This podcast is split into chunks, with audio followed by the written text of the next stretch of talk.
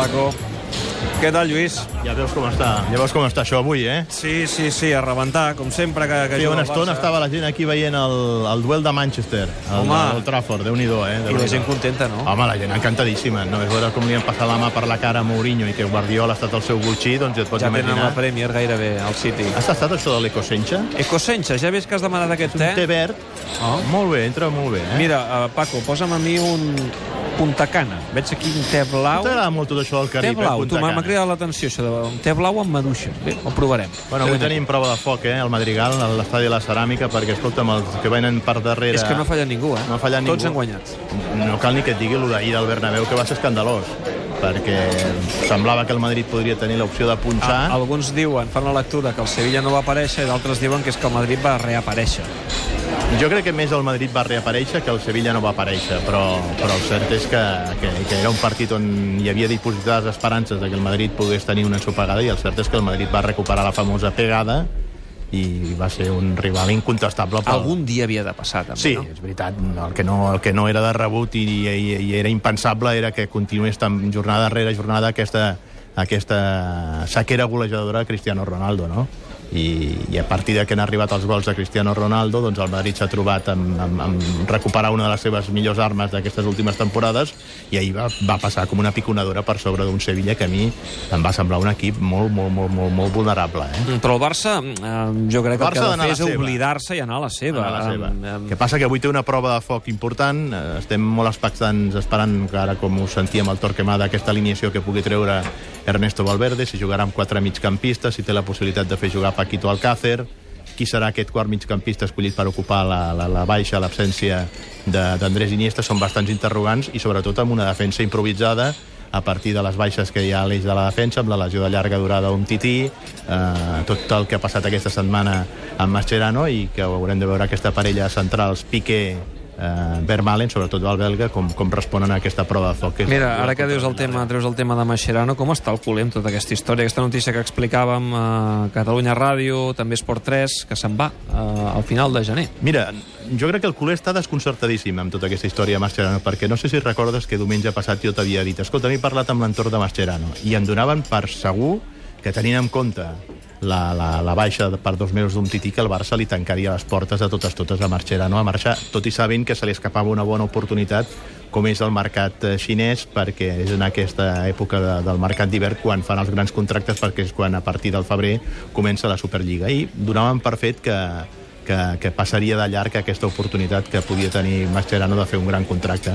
Però ha estat tant la pressió que, que ha fet eh, Mascherano i a través també de la presència aquí in situ eh, personal del seu representant Walter Tanner que al final ha acabat doblegant la resistència del Barça i el Barça s'ha hagut de, de, de, de, de, de plegar els, els suggeriments i la pressió del seu, del seu futbolista. No? Ara en seguim parlant, però oi que volia saber l'11 del Sí, Barça? sí, Sembla sí. que ja el tenim. Laia, Què tal? Què, Sempre tens 11, arribo eh? a l'hora del té, Sí, eh? sempre arribes a l'hora del té, Sí, eh? sí. Oportuna el, per- el pròxim dia tries. eh, oportuna per informar a tota la clientela de l'Snac Barça. A Va, veure. sé que estàveu dient uh, jugarà el Càcer, jugarà Denis, doncs no juga el Càcer, juga Denis, Juga per Denis. tant, Valverde, que surt amb quatre migcampistes. El Barça jugar amb Ter Stegen a la porteria, la defensa, Sergi Roberto, Piqué, Vermaelen, Alba, Mhm. al mig del camp, Rakitic, Busquets, Paulinho, Denis, i al davant, avui sí que ja no descansa, Messi i Luis Suárez. És a dir, la fórmula de quatre migcampistes amb Messi i Suárez al davant, que ja l'havíem vist en altres partits. Eh? Hm. Molt bé, gràcies, Laia, fins ara. Adéu. T'agrada, Lluís? Li agrada la colerada de l'Snac m'agrada- Barça? M'agrada perquè fa justícia amb els últims bons partits de Denis Suárez, no? Ha trobat recompensa, semblava que aquest nano que havia començat amb certa empenta la temporada,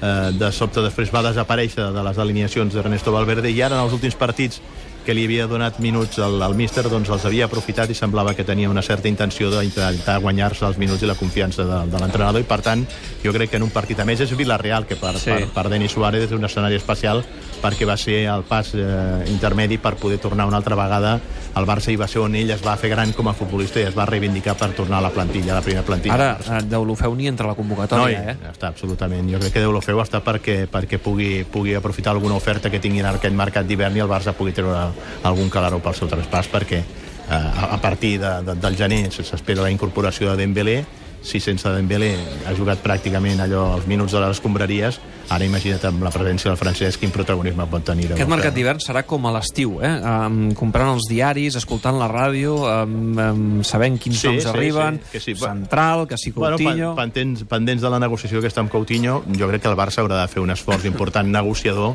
per rebaixar aquesta xifra dels 150 milions que, que posen de, de, de, de, de, de topall els eh, dirigents del, del Liverpool i després el fitxatge del central que jo no sé quina mena central el Barça haurà de fitxar, si un perfil de tercer Home, central... el que té a paraulat és Jerrimina, però clar, és un paio que no, no, coneix no, el però, futbol però, europeu. però Jerrimina jo crec que el contemplen per venir de cara a l'estiu. Ah, doncs escolta'm, jo no sé si és fàcil fitxar Vaja, un central inici- perfil Barça al mercat d'hivern, Però em sembla el- difícil. el- en definitiva el Barça que ja ha de començar a pensar en fitxar el substitut de Mascherano o ja anar una miqueta un pas més endavant i anar pensant a la llarga en el substitut de Piqué?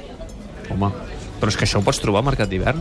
Jo crec, home, Jo si, fas, difícil. si fas una aposta amb calés i busques Sí, anar, esclar. anar a Holanda a fitxar... Pagant-ne que- 150 també per Coutinho? No, És crec que, que no no n'hi haurà per tant.